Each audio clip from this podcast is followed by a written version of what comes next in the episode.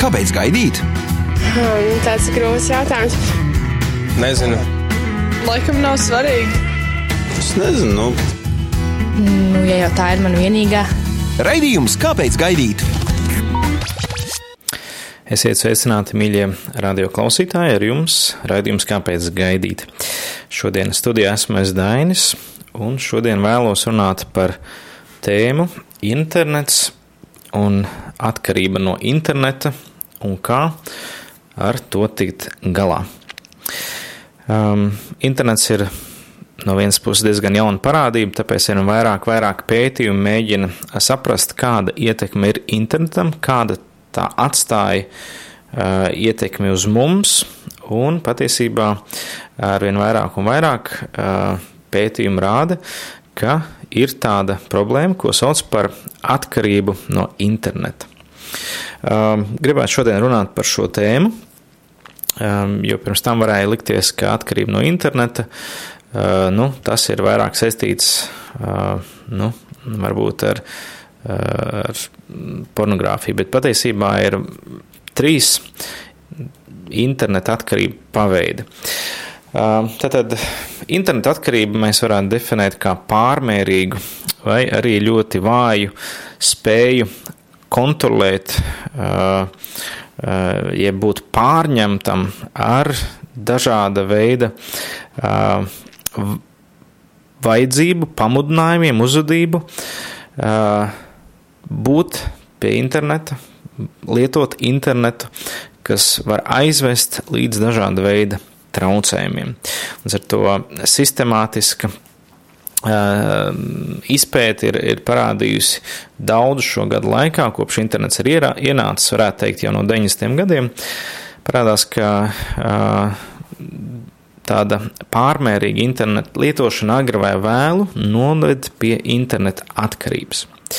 Tātad trīs veidi at interneta atkarības. Tātad viena ir, varētu teikt, šī kiberattiecību atkarība, respektīvi caur sociālajiem tīkliem, čata istabas, dažādu veidu ziņu apmaiņa, jeb attiecību veidošana virtuālajā vidē. Varad ir tāda atkarība.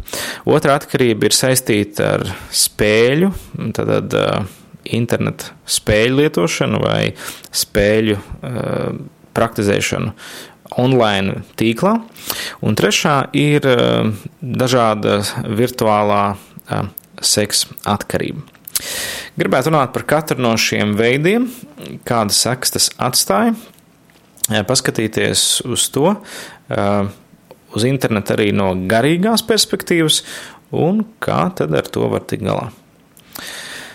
Tātad pirmkārt runāsim par uh, kiberattiecību eh, atkarību, jeb eh, atkarību no eh, sociālo tīklu lietošanas. Tad, tad arvien vairāk, vairāk attiecības mūsdienās sāk tiek veidotas jaunā, varētu teikt, sociālā plaknē, jeb, jeb viet, vietā, ko sauc par internetu. Un, un tas, kas notiek, tiek pārveidojās veids, kā mēs veidojam attiecības, kā mēs komunicējam un kā mēs uh, uzturam uh, attiecības. Tad, tad uh, arvien vairāk, vairāk mēs kaut caur internetu aizējam prom no reālās dzīves un ejam šajā virtuālajā dzīvē. Un līdz ar to, jo vairāk mēs pavadām laiku internetā, un ir pētījumi, kas saka, jo vairāk jaunieši pavada laiku internetā, jo mazāk viņiem paliek laiks ģimenei un, un, un draugiem reālajā dzīvē. Un tas savā veidā mazina šo savienību ar ģimeni un ietekmē šo so, reālās sociālās attiecības, reāli skolā, klasē, uz ielas, un līdz ar to tiek mazināta spēja komunicēt, apmainīties ar viedokļiem, izveidot dziļas, tuvas, emocionālas, reālas attiecības, kas var uzbūvēt spēcīgu ģimeni. Un, līdz ar to it kā no vienas puses internets cenšas piedāvāt šo risinājumu, izveidot šīs virtuālās attiecības, kas ir vieglākas, taču tā, tā problēma ir tas, ka veidojas tāda, tāds faktors kā viltus identitāte. Tad, vai tā ir problēma? Nu, pētījumi rāda, ka puse, puse no tīņiem 13 līdz 18 gadu vecumam ir bieži komunicējuši ar kādu, ko viņi nav reāli, realitātē sastapuši. Tātad, tātad 13, 18 gadu vecumā jaunieši bieži komunicē ar cilvēkiem, ko viņi reāli, realitātē nav sastapuši. Tātad viņi līdz galam nezina, ar ko viņi bieži komunicē. Viena trešā plāno satikties ar kādu, ar kuru viņi runājuši tikai internetā.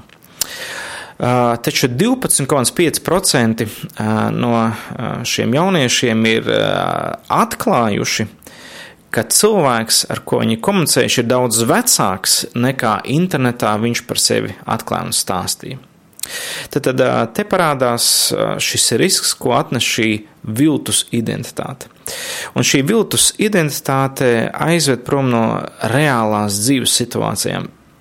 Un, un to, tas rada tādu lietu, kā, mm, ko var saukt par aizlieguma mazināšanos. Respektīvi, internets kaut kādā veidā izšķīdina šīs robežas, to, ko var, ko nevar, jo tev neviens tur nepārmet. Un, un, un tāpēc uh, uzvedība, domāšana uh, internetā ir daudz, teiksim, visatļautīgāka nekā reālajā dzīvē.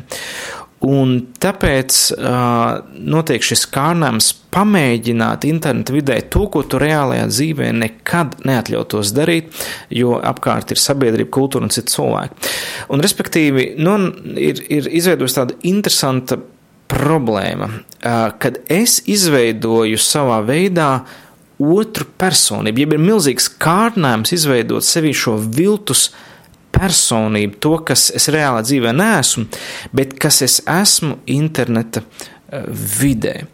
Un, un te parādās um, tā, tā problēma, kas ir arī attiecībās. Tad uh, šis nu, visatļautības efekts, ja, ko rada internets, viņš ietekmē nu, tādā gudri sakot, mūsu motoro, instinktīvo, emocionālo kognitīvo, jeb domāšanas un, un, un, un, un pieņemšanas, jeb saprašanas aspektu. Restīvi, ietekmē visu mūsu personību. Ko mēs domājam, kā mēs jūtamies, kā mēs reaģējam uz lietām un tā tālāk. Tad, tad tas mūsu uzvedībā pēc tam sāk izpausties. Un, un kāpēc tik ļoti Tas tā notika. Kāpēc internets tik viegli ļauj tev attīstīt iekšpusē personību, tādu, kādu tu reālajā pasaulē nespēj attīstīt? Ir tādi seši faktori. Pirmkārt, otrs, nevien, nu, teiksim tā, tu mani nepazīsti. Ja, un, un tāpēc es varu tā kā asociēties, jeb, jeb atdalīties no tā, kas reāli es esmu.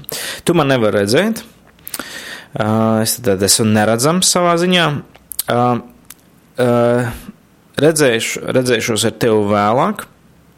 Ja, tad, tad šī vēlme, tā kā, nu, nu, jebkurā brīdī pazust, jebkurā brīdī atgriezties, tas ir viss manā galvā. Respektīvi, ka, nu, ka tā nav reāla dzīve, tāpēc es to varu atļauties, jo nekas slikts jau nenotiek. Vai arī doma, ka tā ir tikai spēle, Ja, tad, tad vienkārši manas iztēles auglis, un mēs visi savā ziņā esam vienlīdzīgi. Līdz ar to uh, man nav tādas autoritātes internetā, kas man varētu kaut ko aizliegt, jo es jebkurā brīdī varu nokomentēt ar savu uh, uzskatu, ar laiku vai dislaiku. Jā, tas nozīmē patikšanu vai nepatikšanu. Respektīvi, internetā es varu komentēt par jebkuru kuru gandrīz uh, pasaules līderi, uh, nesaņemot par to nekādu, teiksim, sodu, atšķirībā, ja es to darītu publiskajā, reālajā dzīvē. Un ar to tas viss mūs mudina izveidot, varētu teikt, gandrīz nu, schizofrēnisku personību, otru personību, kas mēs neesam reālā dzīvē. Un, un tas mūs var aizvest, uzvedie, uzvesties tā, kas reālā dzīvē patiesībā bojā attiecības. Tad mūsu, varētu teikt, šī visatļautība var mudināt mūs uz agresivitāti, uz dažādiem so, sociāliem uzvedības traucējumiem, un vienu lietu, ko mēs saucam par um, savas individualitātes, in, individualitātes pazaudēšanu. Mēs tā kā pazaudējam savu reālo es. Uh, un līdz ar to šī virtuālo attiecību veidošana, viņa no vienas puses ir ļoti, ļoti viltīga, tāpēc, ka es neiznesu to personību, kas īstenībā es esmu reālā dzīvē, bet es iznesu to, kādu es vēlos, kādu es gribu. Un līdz ar to šīs attiecības šajā interneta līmenī, viņas ir nu, tādas iluzijāras, tādas pārspīlēts, varētu teikt, gandrīz viens puses liekulības, jau kā tāda virtuāla maska, ko es uzlieku un ar kuras uzvedos. Un ar to šis izklausās viss tik ļoti labi un pievilcīgi, kad ar laiku cilvēks sajūta, ka viņš interneta vidē jūtas labāk, viņš var būt tas, kas viņš vienmēr ir gribējis būt, un viņš nespēja iz, iziet ārpus šīs identitātes, otrās izveidotās.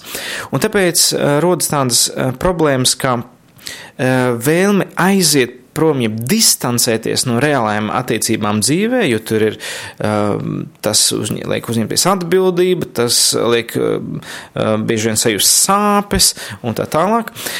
Bet tas, kas notiek, ir tāds seks, kā var ienākt depresīvs, uh, jo kas notiek? Mūsu maskas nav tas, ar kurām mums ir paredzēts dzīvot. Mūsu dvēsele un gars ir, eh, ir priecīgi, ka mēs tiekam pieņemti tādi, kādi mēs esam, nevis tādi, kādus uh, mēs piedāvājam citiem, bet mēs tādi neesam. Respektīvi, mūsu gars un dvēsele nejūtas teiksim, gandarīti iekšpusē, ja mū, pieņem tikai mūsu ar nosacījumu pieņemšanu, ar nosacījumu mīlestību. Un, un līdz ar to tāpēc interneta vide patiesībā ir nevis mums atnes piepildījumu, bet patiesībā atnes, var atnest depresīvu noskaņojumu, var atnest nepiemērotības sajūtu, īpaši, ja mēs atgriežamies reālajā dzīvē. Jo tur mums liekas, mēs izveidojam profilu, mēs izveidojam sevi tādu, kā labākais, ko mēs varētu parādīt.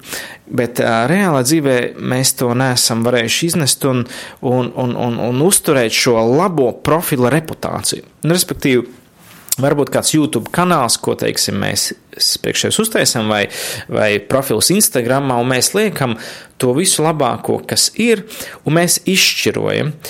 Uh, un, un, un, taču reālajā dzīvē mums tas nav iespējams izšķirot mēs, mē, mūs redz, kādi mēs tajā brīdī esam. Mēs nevaram teikt, pagaidi, stop, stop, tagad uz mani neskaties. Ja kaut kur veikalā mēs esam, tagad neskatieties, es, es ātri pārģērbšos, labi, es aizēju pārģērbies, bet tad es nepamanu kādas citas lietas, un es nevaru izmainīt to, es nevaru izņemt ārā no šīs reālās dzīves to, kas ir tikko noticis. Eh, man vienkārši to ir jāsadzīvo. Un, un līdz ar to eh, tas mūs var ievilkt šajā vēlmē pavadīt laiku vietā, kurā es visu varu kontrolēt. Un līdz ar to rodas šī atkarība no attiecībām internetā. Otrā atkarības veids no interneta ir tā saucamā online spēļu atkarība.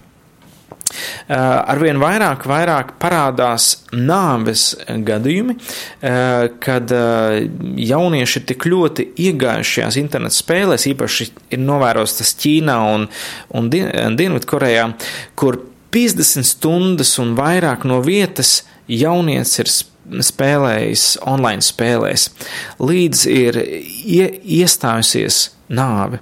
Tātad, tātad šī problēma ar spēļu atkarību ir, ir um, viena no tām, ka tā var aizli, ja neļauj ieraudzīt to reālos veselības bojājumus, kas man ir.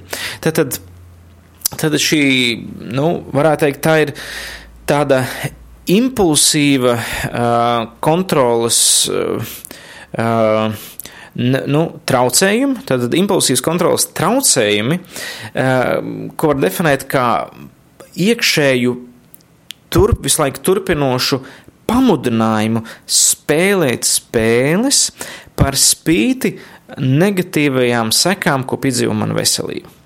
Tad, nav spējas apstāties, tā spējas vēlme spēlēt ir stiprāka nekā vēlme pastīties savu reālo veselības stāvokli šajā brīdī.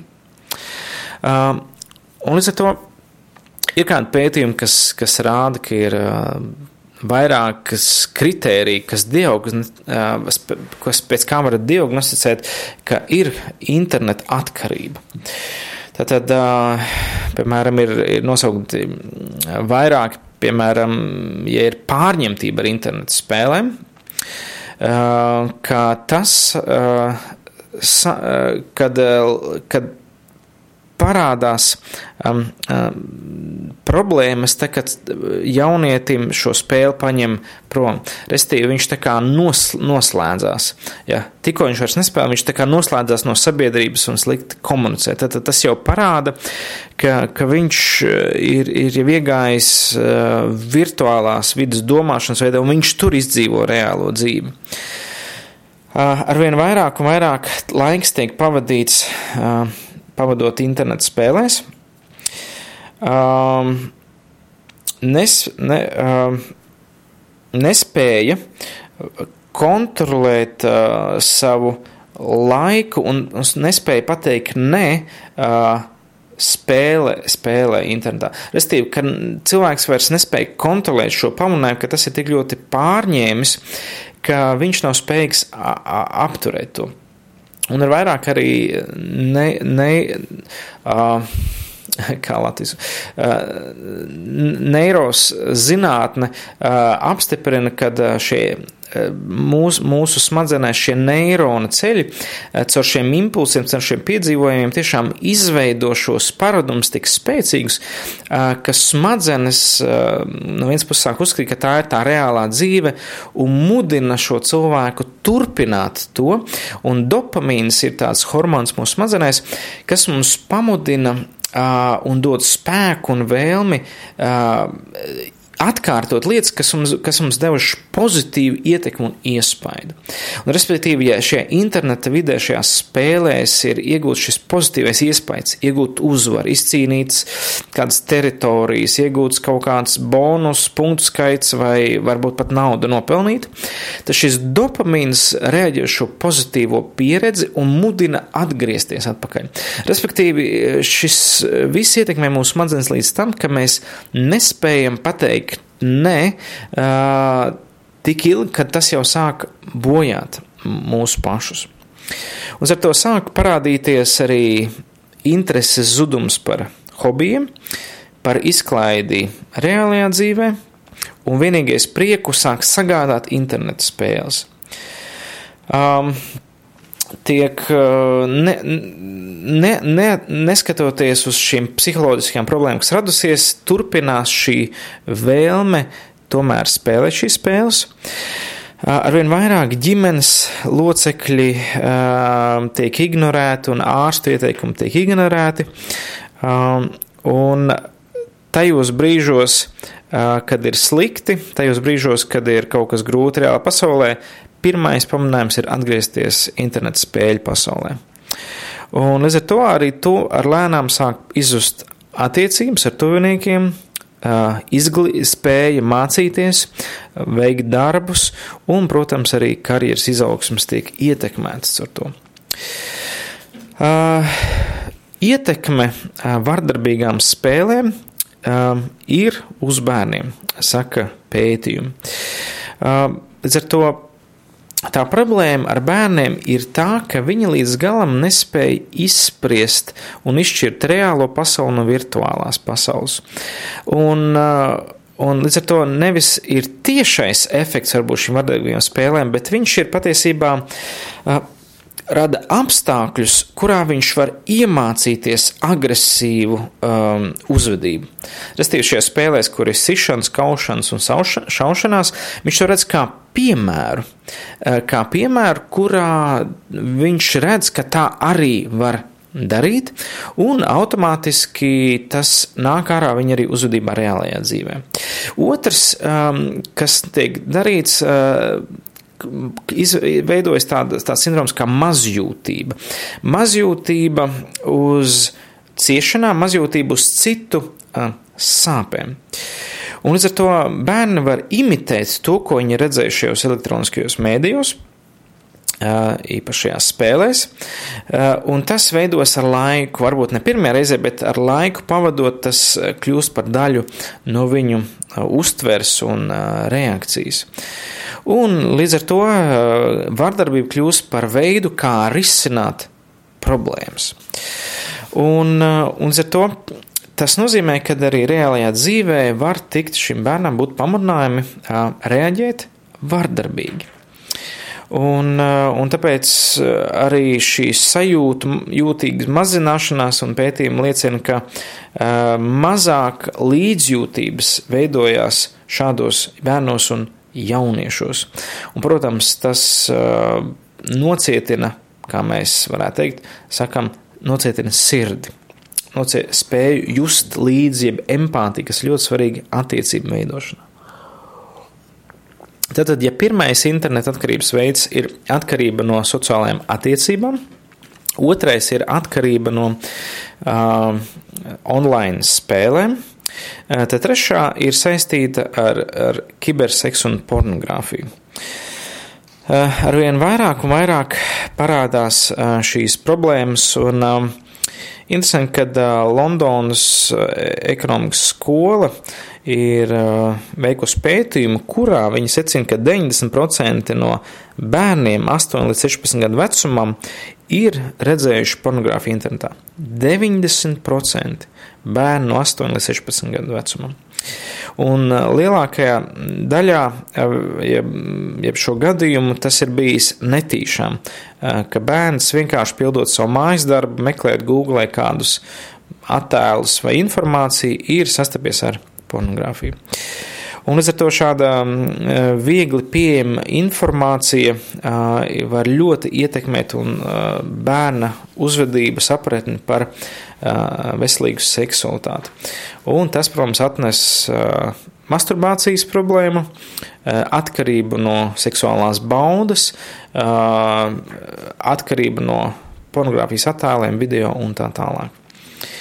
Un līdz ar to pētījumi rāda, ka šī šāda veida atkarība paaugstina seksuālu agresivitāti, samazina pašvērtējumu, arvien palielina vientulības un depresijas lielumu, paaugstina risku tīņu vecuma grūtniecībai, mazina jūtīgumu, arī līdzīgi kā šīs online spēles, teiksim, sakropļo sapratni par attiecībām un realitāti. Sievietes tiek redzētas, sāk tiek redzētas kā seksu objekti, un, un seksuāla izmantošana, izvarošana vairāk tiek pieņemta kā norma.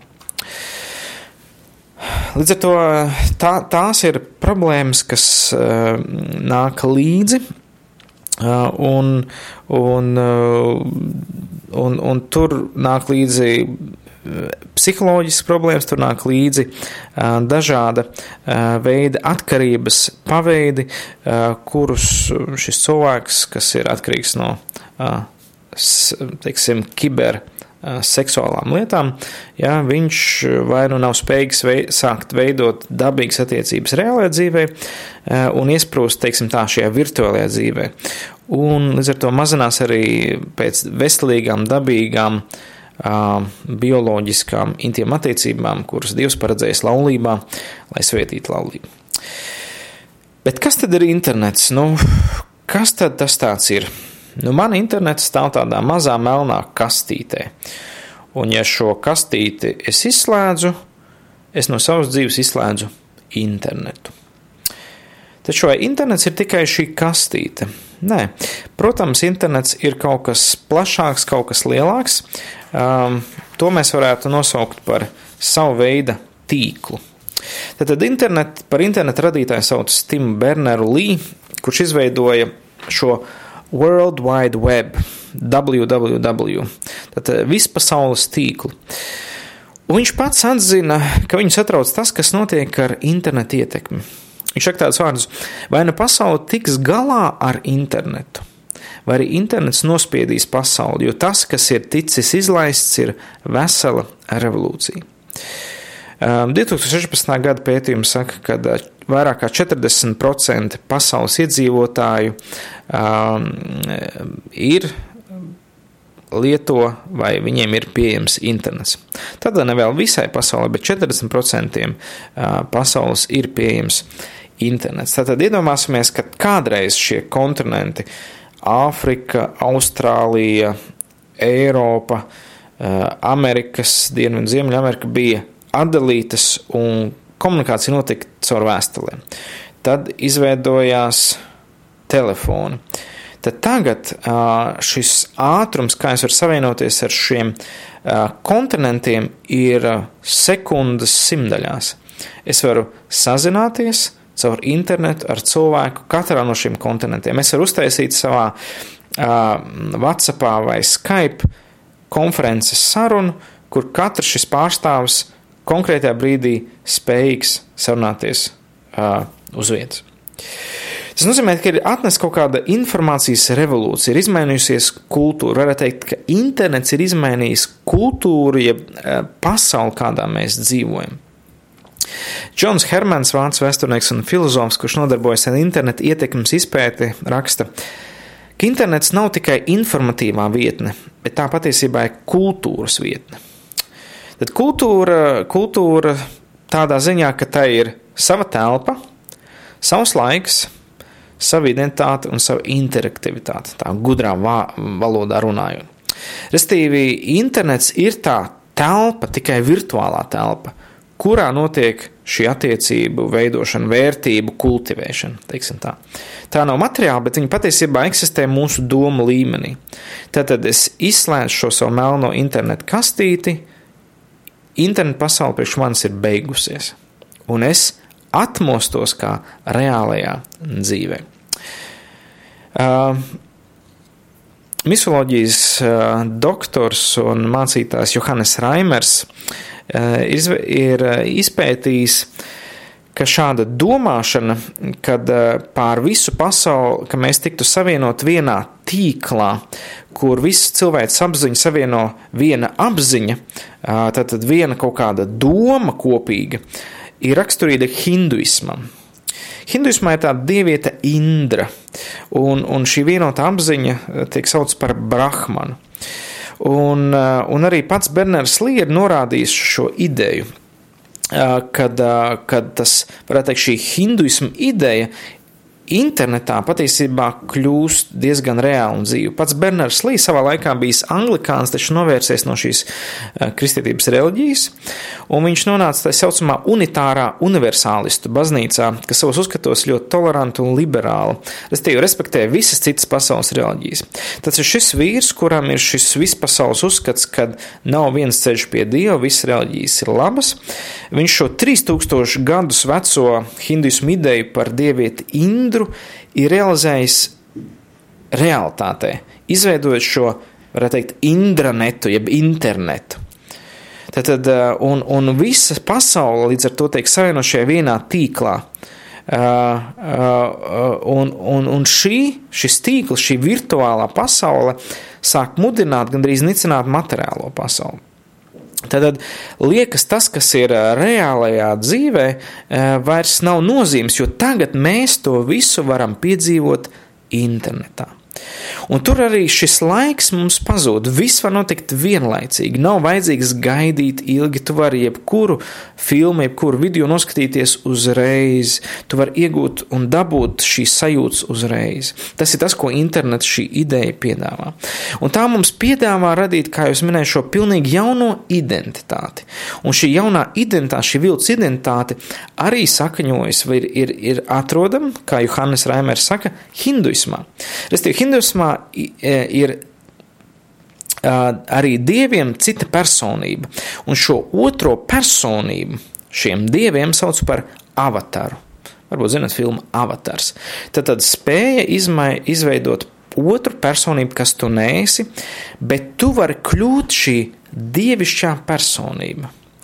Un redziet, tas, ko internets patiesībā no vienas puses mēs nesakām, ka tur nav labu lietu, par to mēs nerunājam.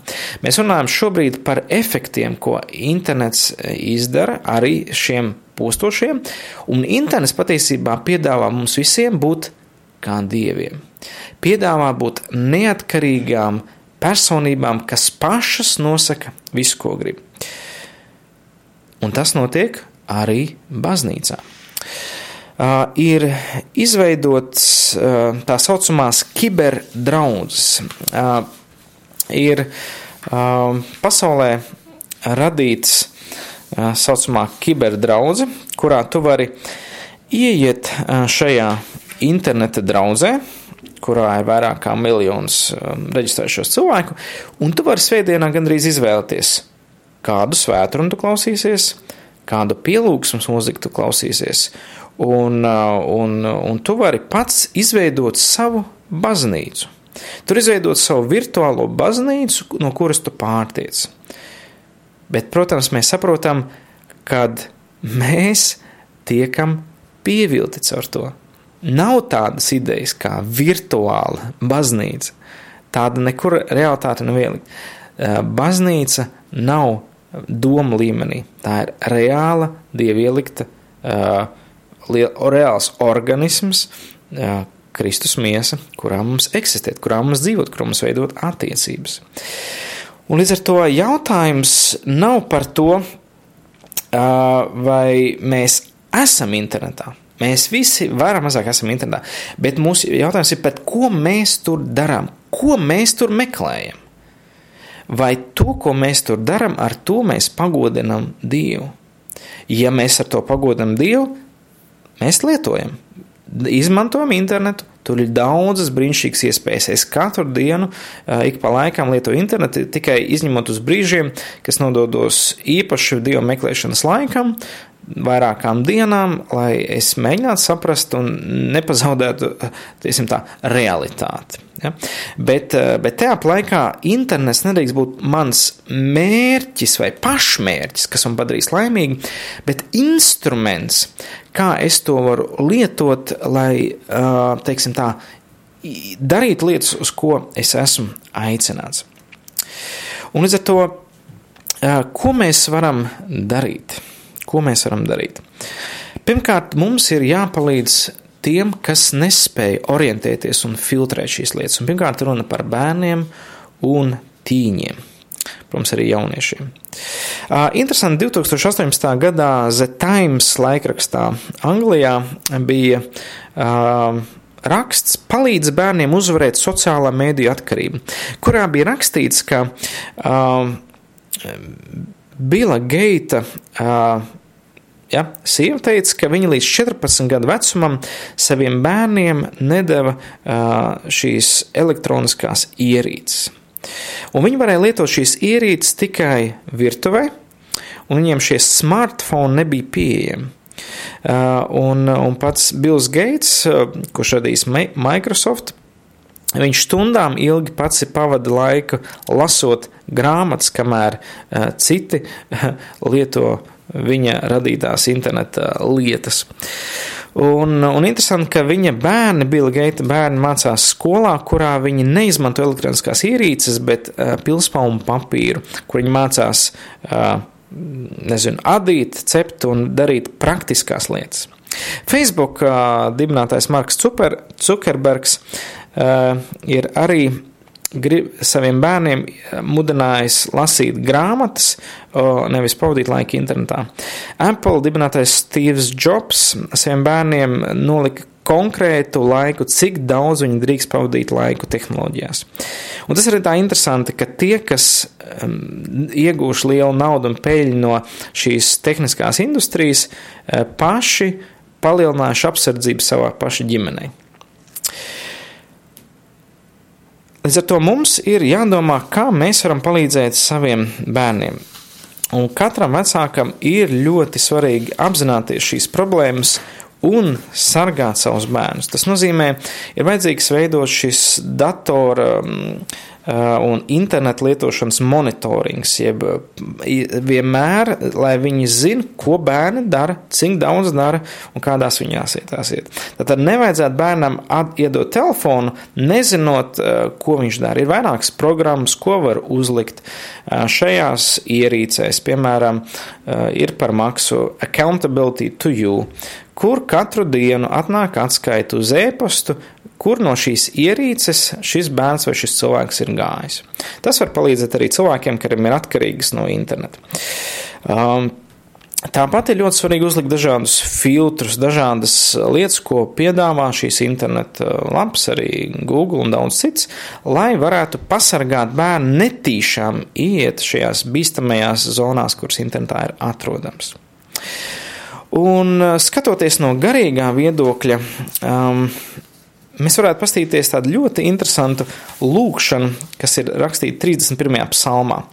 31. psalmā, 5. 6. pants, tur ir tāda lūkšana: Izvelc mani no tīkla, kas slepeni izlikts pret mani, jo tu esi mans patvērums. Tavā rokā es nododu savu garu, tu mani esi atvestījis, tu uzticīgais Dievs. Tad izvelc mani no tīkla.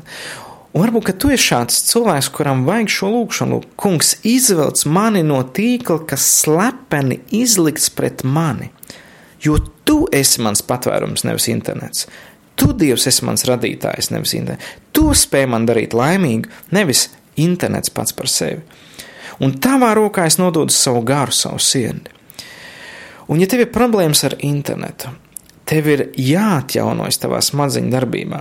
Uh, internetā var redzēt cilvēks, kas, teiksim, uz gadu ir atteikušies vispār no interneta, un viņi stāst par šīm pārmaiņām, ka viņi beidzot kā jutās dzīvi, reāli, atrodoties reālajā pasaulē. Uz gadu aizjot prom no interneta. Protams, ne visiem tas ir iespējams, bet mēs viennozīmīgi varam samazināt savu daudzumu, ja mēs jūtam, ka mēs vairs nespējam kontrolēt internetu, bet internets sāk kontrolēt mūs. Redziet, katrā tīklā, katrs tīkls ir mums kaut ko asociējis. Zvejnieka tīkls nozīmē, ka zvejnieks grib nozvejot zivtiņu.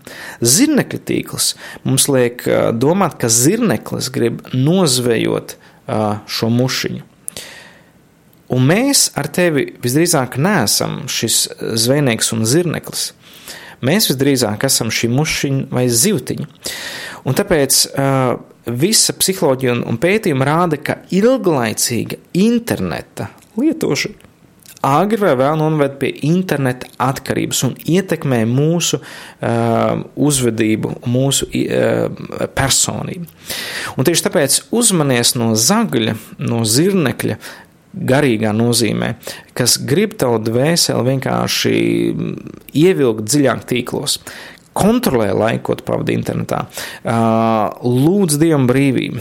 Bībelē teiks, ka Jēzus Kristus ir nācis, lai apcietinātos, izvestu brīvībā.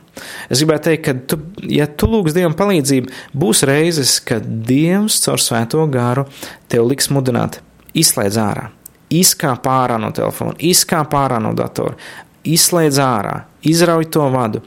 Dievs gribēs tev palīdzēt, bet tev ir jā, jāļauj viņam to darīt. Un, un saprot, ka, ja tu nepārstāsi, ja tu turpināsi ļaut internetam sev ietekmēt, tu pazaudēsi to dzīvi, ko Dievs tev ir paredzējis. Un tu nekad nesapratīsi, kam tu biji radīts, un tevī būs šis apjukums un neskaidrība, kas tu esi, uz kurien tu ej un kāda ir dzīves jēga. Internets ir palīgs, bet ne pašmērķis. Tāpēc es tevi aicinu, ja šobrīd tu saproti, ka tas ir par tevi, izdari plānu, meklē palīdzību, kā tikt vaļā no interneta atkarības. Un, ja tu esi vecāks, palīdz saviem bērniem, tīņiem, jauniešiem. Kamēr var tev ir iespēja, dara šīs izmaiņas. Un Dievs būs ar tevi un palīdzēs. Šis redzējums, kāpēc gaidīt? Paldies, ka klausījāties! Ja Dievs dos, tiksimies atkal pēc nedēļas. Ar labvakar! Šis bija raidījums Kāpēc gaidīt? Klausies to katru otrdienu, pulksten 18,5 minūtēs Latvijas kristīgā radio ēterā vai arī jebkurā tevērtā laikā internetā www.īsta mīlestība gaida LV.